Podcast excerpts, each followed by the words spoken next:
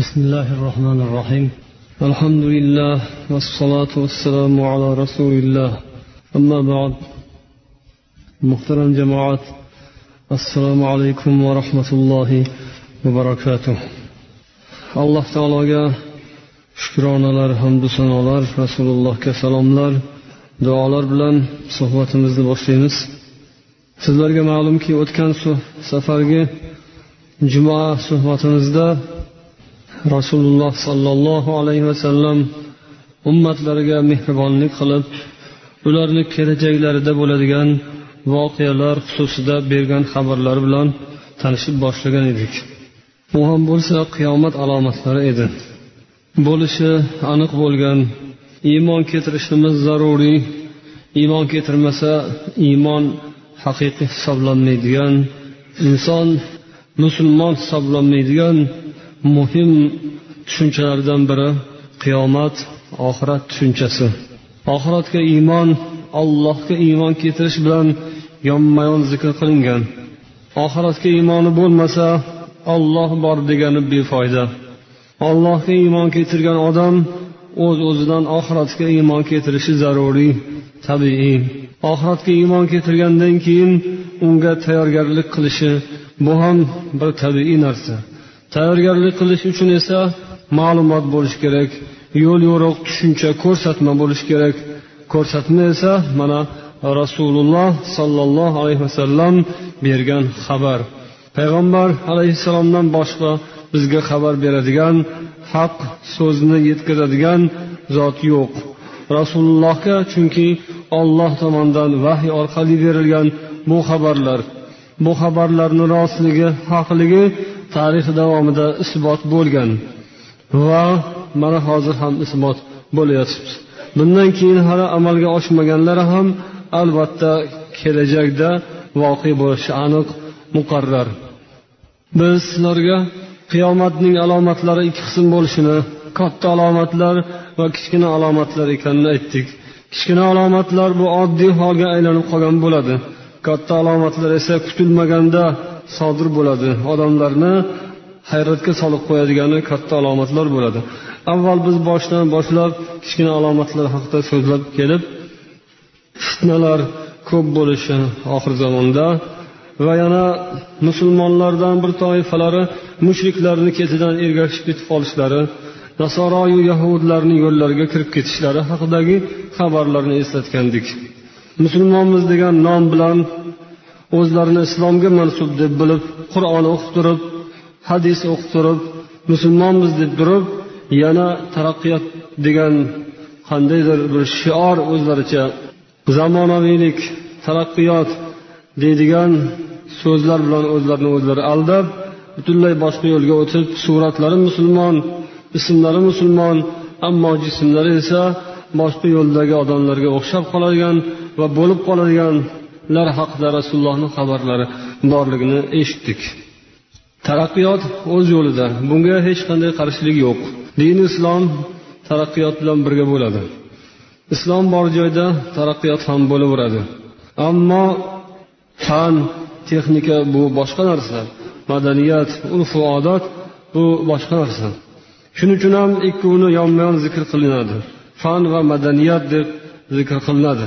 Fan deganda o'zidan o'zi madaniyat agar zikr qilingan ma'no bo'lganda yonida madaniyat deyilmasdi fan deganda demak madaniyat ma'nosi chiqmaydi.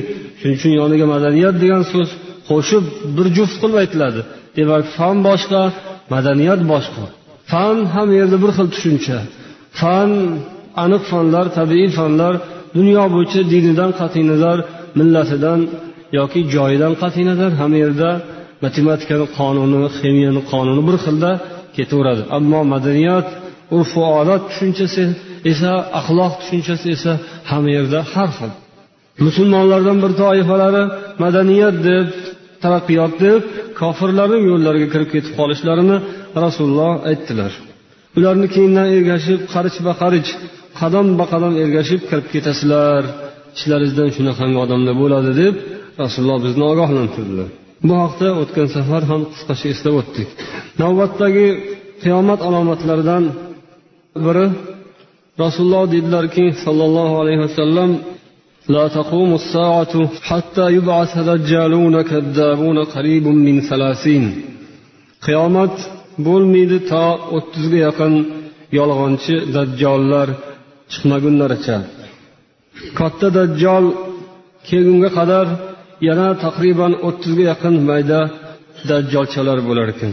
Kulluhum yazumu annahu rasululloh ravohil buxoriy ularning har birlari ollohning elchisiman deb keladilar. Alloh tomonidan payg'ambarlik davo qiladigan kishilar qiyomatga qadar chiqib turishlarini aytdilar. Lokin bu yerdagi o'ttiz kalimasi bu chegaralash ma'nosida emas balkim eng kattalari mashhurlari o'ttizga yaqin bo'ladi. Ammo mayda chuydalari ham ko'p bo'ladi deganlar ekan. Orqasidan odam ergashtiradigan o'zicha bir farqa jamoa paydo qiladiganlari shuncha bo'lishi mumkin. Lokin ergashtirgan odamlar uncha ko'p bo'lmasdan nomi bir paydo bo'lib o'chib yo'q bo'lib ketadiganlari ham ko'p bo'ladi. Bularning boshi payg'ambar sollallohu alayhi vasallam zamonlarida bo'lgan. Uni otini ko'pchiliklaringiz bilasizlar. Ismi nima edi? Musaylama kazzob degan bir odam. U payg'ambarlik davo qilgan rasululloh sollallohu alayhi vasallamning zamonlarini oxirrog'ida. Rasulullohga xat ham jo'natgan. O'zi o'sha arablardan bo'lgan. Uni keyindan ergashganlari juda ko'payib ketgan. Musulmonlarga uning yomonligi juda ko'p bo'lgan. Ancha muncha iymoni zaif odamlarni iymondan chiqargan. Ba'zi bir nafsiga berilgan odamlarni ham iymondan chiqargan. Demak inson bir narsani haqligini bilib tursa ham lokin u hali masala hal bo'ldi emas ekan. Ba'zi birlar qabilachilikka berilib mahalliychilikka berilib mutaassiblik va millatchilikka o'xshagan mahalliychilik ta'sirlariga berilib ham musaylimani keyindan ergashib ketganlar. Ya'ni bu qurayshning qurayshning rostgo'yiga qaraganda o'zimiz yolg'onchimiz yaxshi deb musaylimani yolg'onchiligini bilib turib ham ergashib ketishavergan shuning uchun haqiqatni tushunish bu mardlik emas haqiqatni ko'p odam tushunadi yoki u tushungani foyda bermaydi. Odamlar haqni bilib tushunib turib nohaqqa qarab ketaveradi. O'sha ketaverishi yoki ketavermasligiga qarab masala hal bo'ladi. Yana shunga o'xshagan payg'ambarlik davo qilib chiqqanlardan biri al asvadul anasiy degan kishi bu yamandan chiqqan ekan. Bu ham o'sha vaqtda o'ldirilgan. Anu musaylima degan kazdob esa hazrati abu bakr siddiq roziyallohu anhu zamonlarida yamoma degan bir mashhur jangda o'ldirilgan. Undan keyin bir sajoh degan bir ayol ham payg'ambarlik davosini qilib chiqqan. Bu musaylima bilan topishib ikkovi er xotin bo'lgan. Keyin eri o'ldirilgandan keyin bu ayol tavba tazarrusini qilib islomga qaytdi. Shunga o'xshagan kishilar o'sha vaqtda paydo bo'lib yana zamonlar o'tishi bilan to'xtamasdan hali u yoqda hali bu yoqda payg'ambarlik davosini qiladigan odamlar chiqib turadi va yana yaqin zamonlarda bundan oldingi asrda paydo bo'lgani hindistonda mirzo ahmad degan bir odam o'zini payg'ambar deb e'lon qilgan. U muhammad payg'ambarni payg'ambarliklarini tan olib tan olish niqobi ostida qur'on to'g'ri kitob ollohning kitobi muhammad haq payg'ambar lokin oxirgi payg'ambar emas olloh mani ham payg'ambar qilib tanladi. Islomni chalasi bor ekan.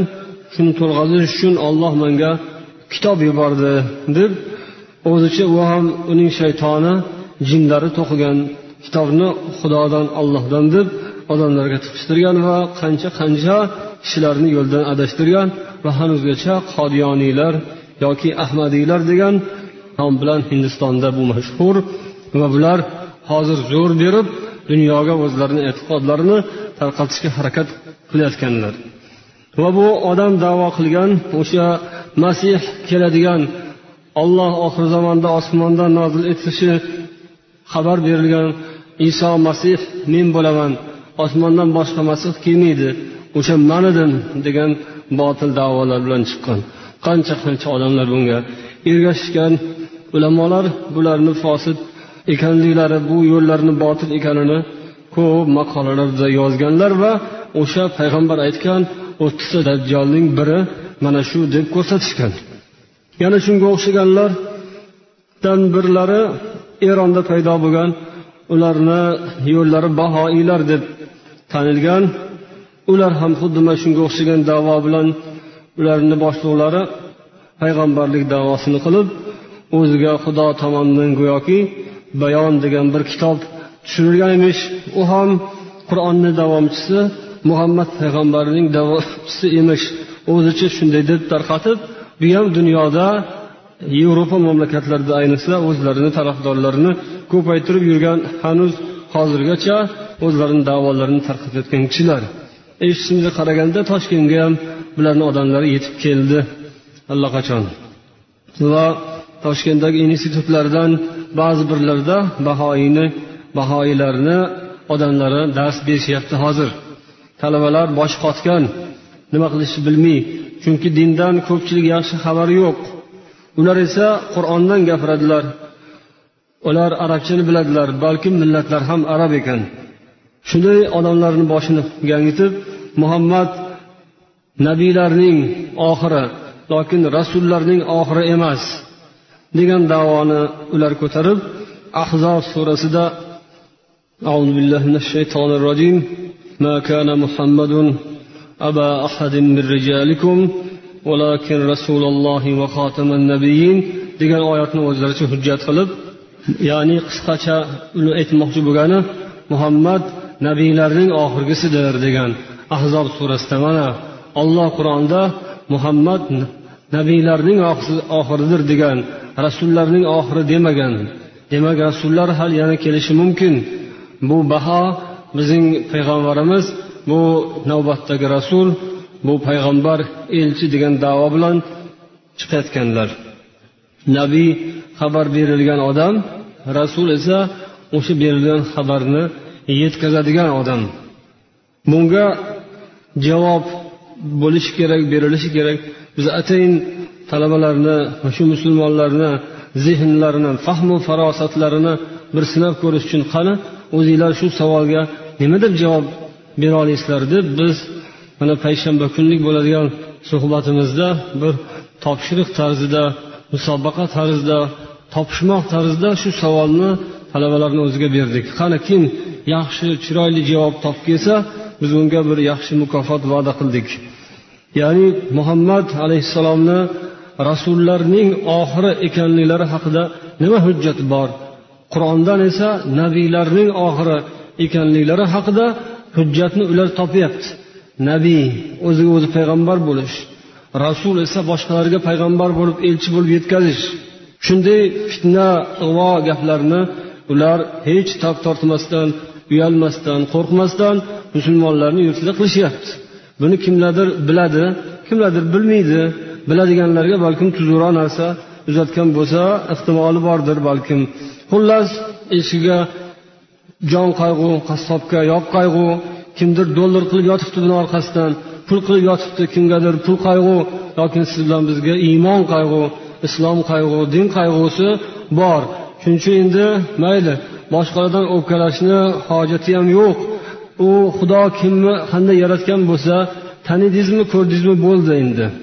Alloh taolo kimni qaysidir bir maxluqni eshak qilib qaysi bir maxluqni to'ng'iz qilib qaysini birini inson qilib yaratdi o'shanga qarab muomala qilaverasiz.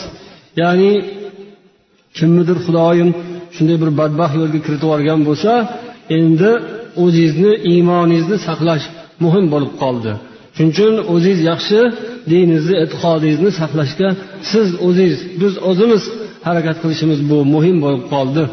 Din iymon e'tiqodni to'g'ri tushuncha bilan saqlab qolish bu demak vazifamiz. Demak payg'ambar alayhissalotu vassalom oxir zamonda bo'ladigan qiyomat alomatlaridan deb aytgan xabarlardan biri mana shu bo'layotgan ishlar. Payg'ambarlik davosini qiladiganlar ko'payib ketadi. Ehtiyotinglarni qilib javobinglarni topib iymoninglarni saqlab qolishga harakat qilinglar deb rasululloh oldindan ogohlantirdilar. Yana shunday rasulullohning mo'jizalari bo'lib o'tgan voqealardan qiyomat alomatlaridan deb aytgan xabarlardan biri qitoli turk degan ekanlar ya'ni turklar bilan jang bo'lishi imom buxoriyda va muslimda kelgan hadis. لا تقوم الساعة حتى يقاتل المسلمون الترك قوما وجوههم كالمجان المطرقة يلبسون الشعر ويمشون في الشعر bu hadis buxoriyda ham muslimda ham rivoyat bo'lgan payg'ambar degan ekanlarki musulmonlar turk degan qavmga qarshi kurashmagunlaricha urushmagunlaricha qiyomat bo'lmaydi ularning yuzlari xuddi tirs ya'ni qalqonga o'xshagan bo'ladi. Yuzlari juda go'shtli go'shtli yumaloq ko'zlari kichkina va ular teridan jundan yungdan tikilgan kiyimlarni kiyib yuradilar deb ta'riflab bergan ekanlar. Bu hadisni sharhida ancha muncha gaplarni gapirishgan turklarni kelib chiqish tarixlarini gapirishgan turklar deganda hammamiz ham kirib ketamiz turklarni ichiga. U maxsus bir qavm emas. Balkim turkiy tillarda gaplashuvchi so'ylashuvchi xalqlar jumladan biz ham shularga kiramizku. Lokin bu yerda mana shu tariflarga qaraganda va ulamolar bular mo'g'ullarni istilosiga ishora deganlar. Ya'ni o'sha yuzlari go'shtdor go'shtdor ko'zlari kichkina hatto ba'zi bir hadislarda burunlari yapasqi tekis ya'ni kuchukqa o'xshagan shunday ta'riflari o'sha mo'g'ullarga barobar keladi shularni ta'riflariga to'g'ri keladi deganlar. Va keyin mana fathul voriyda turklarni umuman turk qavmining kelib chiqishi haqida bir qancha fikrlarni ham ular bergan yoritgan ekanlar. Asli turk qavmi kelib chiqishi nuh payg'ambarning o'g'illari yofas degan bir o'g'illarining naslidan bo'lgan deydilar. Bu bir qavul bo'lsa ikkinchi bir qavul yana bir hadisda banu qantura deb payg'ambar aytgan ekanlar qantura degani bu hazrati ibrohim payg'ambarning joriyalaridan cho'rlaridan birining nomi o'sha kishidan tarqalgan zurriyodlar keyinchalik turklar deb ataldi deydilar. Va shu hiyratning yettinchi asrida mo'g'ullarni istilosi chingizxon istilosi bo'lib o'rta osiyoga musulmon dunyosiga ularni ko'p yomonliklari yaramasliklari yog'ildi. Qanchadan qancha masjidlar oyoq osti qilib kitoblar kuydirilib musulmonlarni qonlari daryo daryo qilib oqizilgan. Hadislarda payg'ambar sollallohu alayhi vasallam ular to otlarini masjidlarni ustunlarga bog'lamagunlaricha qiyomat bo'lmaydi deb ham aytganlari bor ekan. Shunday qilib ular masjidlarni ibodatxonalarni islomni oyoq osti qilganlari tarixda bu bir marta bo'lib o'tdi. Undan tashqari yana ba'zi bir tarixchilar bu quyidagi hadisni ham keltiradilarki turklar arablar ustidan g'olib bo'lmaguncha qiyomat bo'lmaydi degan hadisni ham keltirganlar.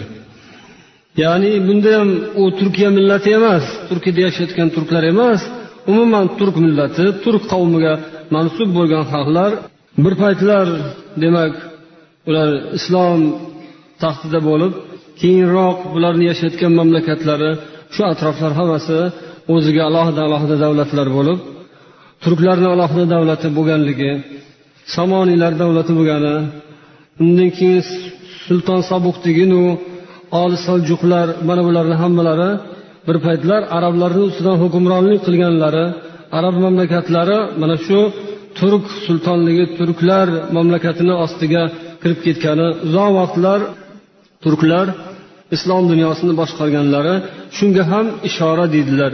Ya'ni arablar ustidan ular g'olib bo'lmaguncha qiyomat bo'lmaydi deganlarida demak bir marta ular ustun bo'lib g'olib bo'lib dunyoni musulmon dunyosini ular boshqardilar.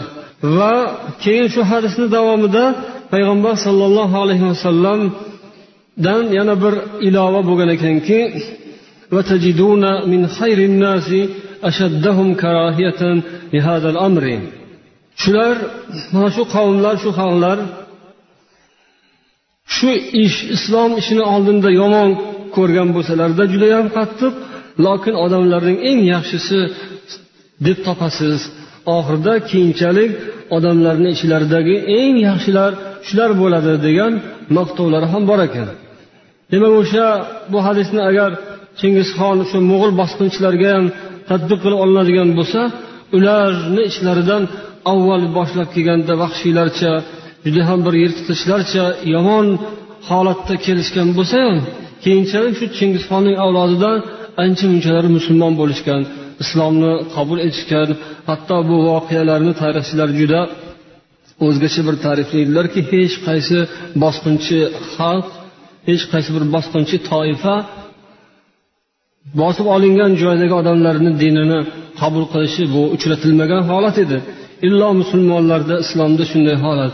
Yuz berdiki mo'g'ullar bosqinchilik qilib o'rta osiyoni musulmon dunyosini oyoq osti qildilar lokin shu bosqinchiliklari zo'ravonliklari bo'la turib ular shu joy ustidan zo'ravonliklari ushlab turilgan bir paytda islomni qabul qildilar.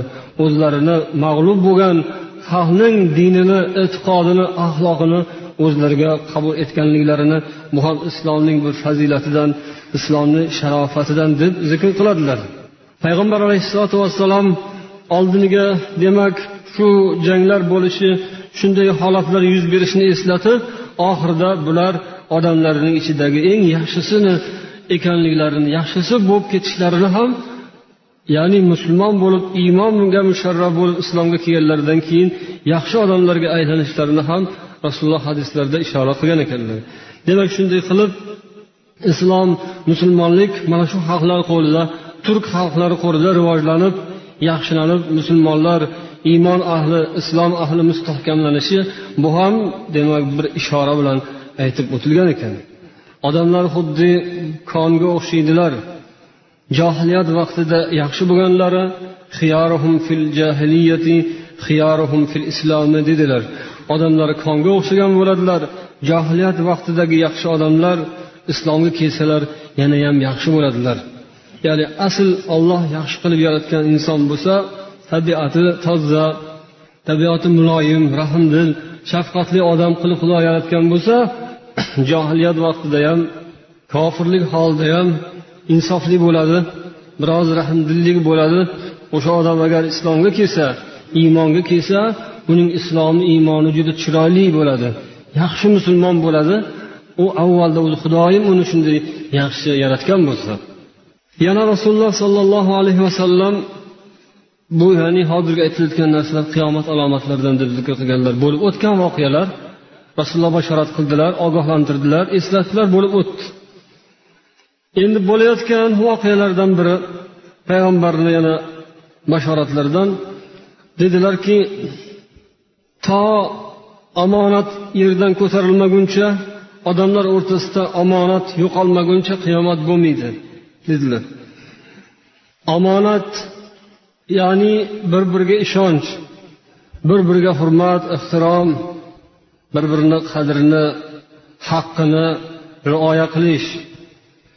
Haqqiga ko'z olaytirmaslik bu omonat. Agar omonat zoyi qilinsa omonat beparvo tashlab qo'yilsa unda qiyomatni kuting kutgin dedilar. Ya'ni bunga javob qiyomat bo'ladi. Omonatdorlik ketdimi? Insonlar o'rtasidan bir biriga ishonch hurmat o'sha mana bu narsa omonat deb saqlanishi kerak bo'lgan narsaga e'tibor ketdimi? Endi buni jazosi qiyomatda bo'ladi. Unga javob qiyomatda bo'ladi. Omonatni idoat qilish ya'ni oyoq osti qilib uni beparvo tashlab qo'yish bu nimadi yo rasululloh deb so'ralganda payg'ambar aytdilarki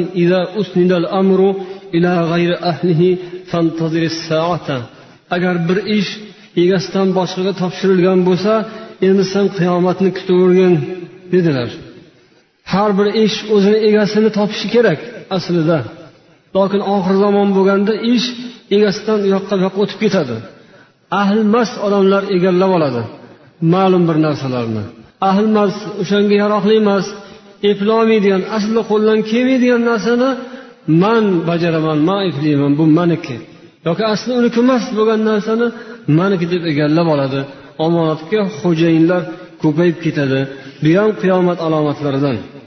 Va avval boshlab odamni qalbidan dilidan omonatdorlik ko'tarilar ekan.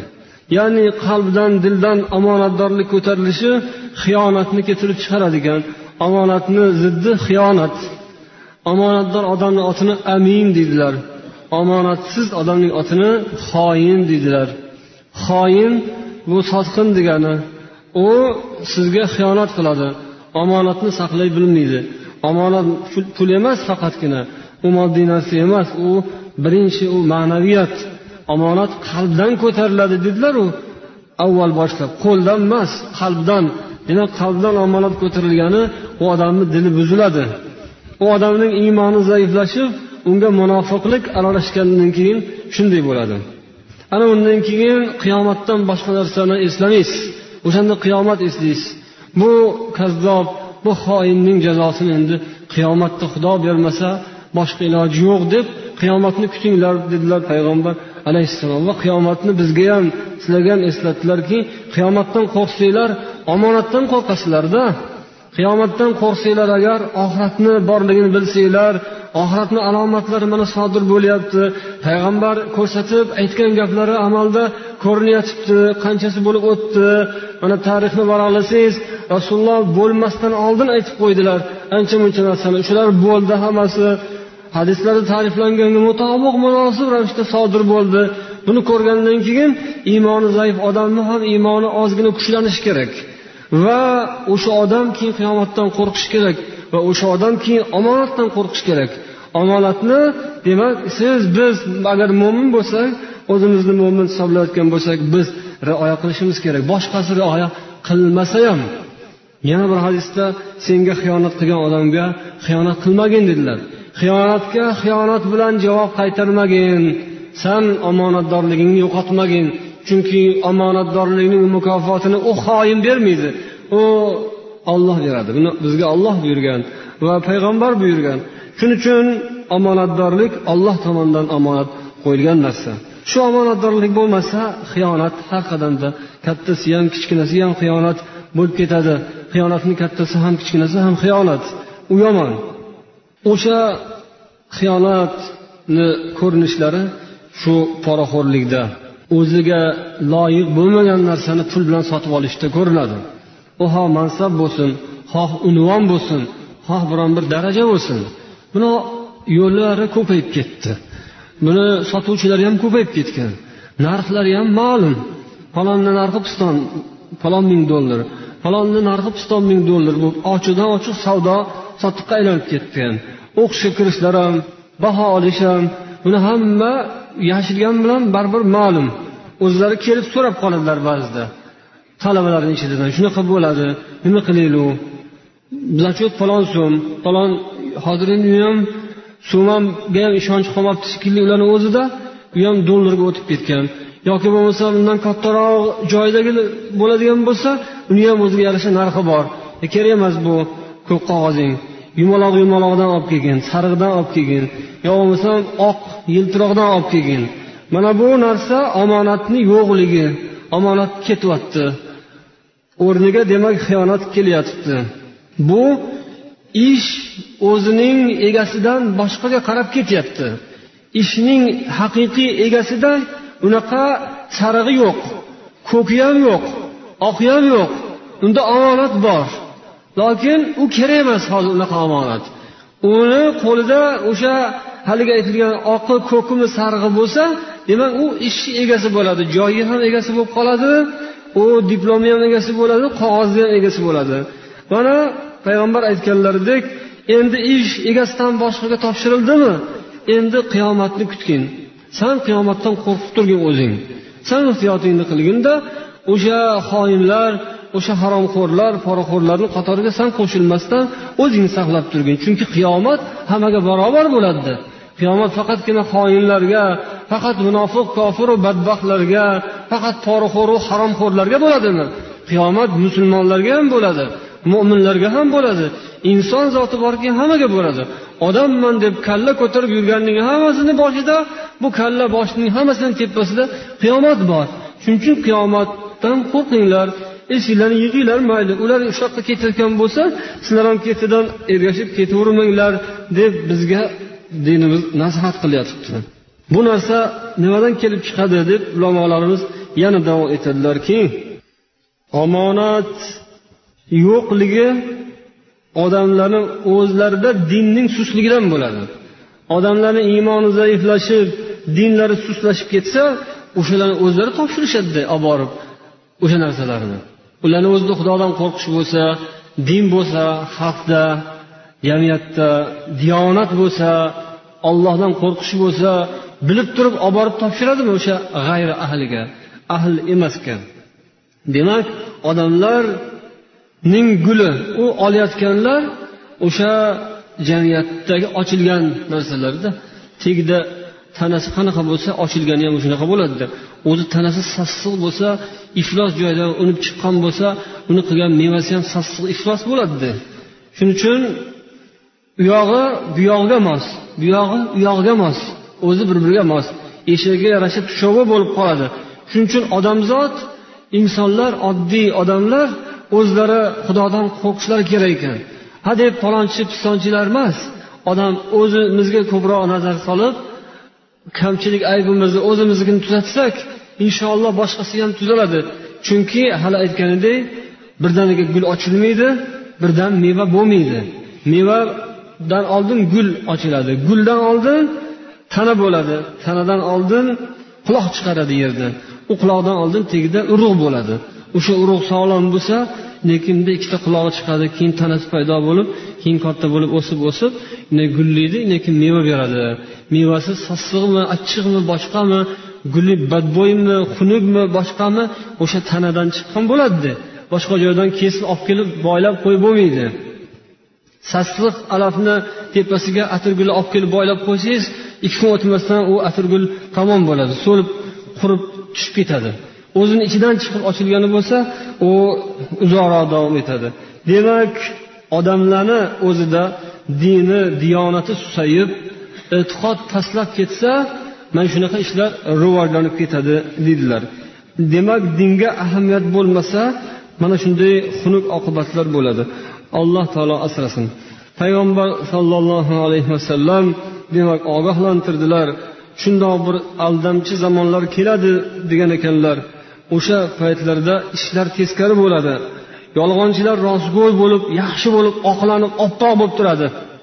Rost gapirlar yolg'onchi bo'ladi. Rost gapirganlarni og'ziga uriladi. E bu nasha chekadi bu. Ha bu o'g'ri o'zi. Ha u unaqa bunaqa bu buzuq har balo bo'ladi. Rost gapirsa haq gapirganlar shunday kalta yeb kaltangni yetib yeb deganday ularni boshida shunday sinadigan paytlar bo'ladi ehtiyot bo'linglar. O'shanda aldanib qolmanglar. O'shanaqa bo'lsa mabodo o'sha haq gapni qadri tushib ketmasin. Haq yo'ldan voz kechib yubormanglar tag'in haqni aytsa haq yo'lda yursa urilar ekan surilar ekan deb nohaq yo'lga yolg'on yo'lga o'tib ketavermanglar degan ogohlantirish bilan payg'ambar alayhissalom aytdilar oxir zamonda fitnalar bo'ladi ehtiyot bo'linglar. Adashib qolmanglar. Baribir o'tadi. Fitna ham o'tadi boshqasi ham o'tadi. Fitna qilganlar ham fitnaga mubtalo bo'lganlar ham rost gapirgan ham yolg'on gapirgan ham omonatdor ham xiyonatkor ham hammasi o'ladi. Dunyoda omonatdorlar o'lib xiyonatkorlarga ikki yuz yildan umr qo'shib bermaydi baribir. Hammaning rizqi nasibasi olloh tomonidan belgilangan. O'tib parvardigorni huzuriga boriladi. Qiyomatda hisob kitob bo'ladi. Deb ogohlantirildik. Bu narsalarga sabab bo'ladigan yana bir alomat dedilar min saati an ilmu va jahlu. Qiyomat alomatlaridandir ilm ko'tarilib jaholat mustahkamlanadi. Din ilmi bu yerda ilmdan murod din ilmi. Chunki dunyoviy ilm bu rivojlanib boradi. Bunda gap yo'q. Din ilmi esa oxir zamon borgan sayin bo'lgan sayin susayib odamlarda shu din ilmi kamaysa keyin hali omonatdorligu halolu harommi chegarasi din ilmi bilan bilinadida. Yaxshi dunyoni ilmini o'rganib olgan bilan savobu gunohning chegarasi bo'lmaydi u yerda. Juda zo'r olim bo'lib dunyoviy olim bo'lib yetishsak bizda halolu haromni chegarasi bo'lmaydi. Ilm bilan haligi ishlarni qilaveramizda. Ilm bilan porani olaveramiz.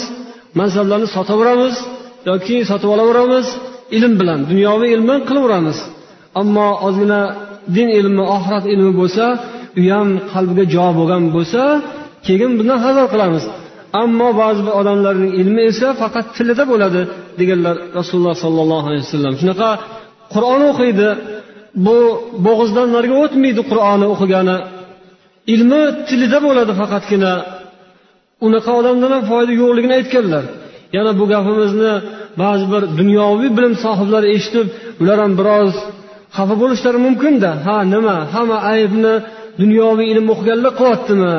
Din ilmini bilganlar hammasi oppoqmi deyishi haq o'rinli gaplar. To'g'ri ularni ham gapiga javob berish kerak. To'g'ri aytadi. Din ilmini ham oz moz bilib olgan bilan boringki ko'proq bilib olgan bilan rasululloh hadislarda aytganlar man oxirida yo'ldan adashtirib yuboradigan olimlardan qo'rqaman deganlar bilib bilmasdan yoki bilsa ham teskarisiga fatvo berib yo'ldan adashtirib yuboradigan xalqni ummatni adashtirib yuboradiganlar bo'ladi deb payg'ambar xabarida aytib qo'yganlar. Hamma din ilmini o'qiganlar ham oppoq bo'lavermaydi ekan o'sha hadisda aytganlaridek ba'zi birovning ilmi qalbiga jo bo'ladi ba'zi birovniki tilida bo'ladi. Ba'zi birovniki tomog'ida bo'ladi bo'g'izda bo'ladi. Bo'g'izdan u yoqqa o'tmaydi. Mana shu bo'g'iz xursand bo'lsa til nafs xursand bo'lsa shu bilan tugab qoladigan ilm ham bo'ladi. Allohdan panoh so'raymiz. Olloh ozgina ilm bergan bo'lsa shunga amal qilishini amal qilganda ham xudo uchun xolis amal qilishni olloh nasib etsin deb har bir inson har birimiz o'zimiz haqimizga duo qilib turishimiz kerak ekan. Chunki bilim alohida narsa. Bilimga amal alohida narsa amalni xolis qilish alohida narsa. O'shandan keyin najot bo'ladi. Bilgani hech narsa emas amal qilmasa agar. Amal qilgani ham hech narsa emas unda ixlos bo'lmasa agar. Xudo uchun olloh uchun deb amal qila bilmasa inson ming yil amal qilsa ham demak u shamolga uchib ketib qolishi mumkin ekan. Alloh hammamizga e'tiqodu ixlosimiz qiyomatdan qo'rquvimizni va qilgan amalimiz ishimiz xolis alloh roziligi uchun bo'lishini nasib etsin deb so'rab qolamiz. Ramazonni ro'zasidan keyin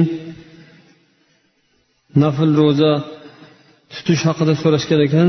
Haqiqatan ham payg'ambar alayhissalomning hadislarida shavvol oyidan olti kun ro'za tutgan odamga ko'pgina savoblar va'da qilingan.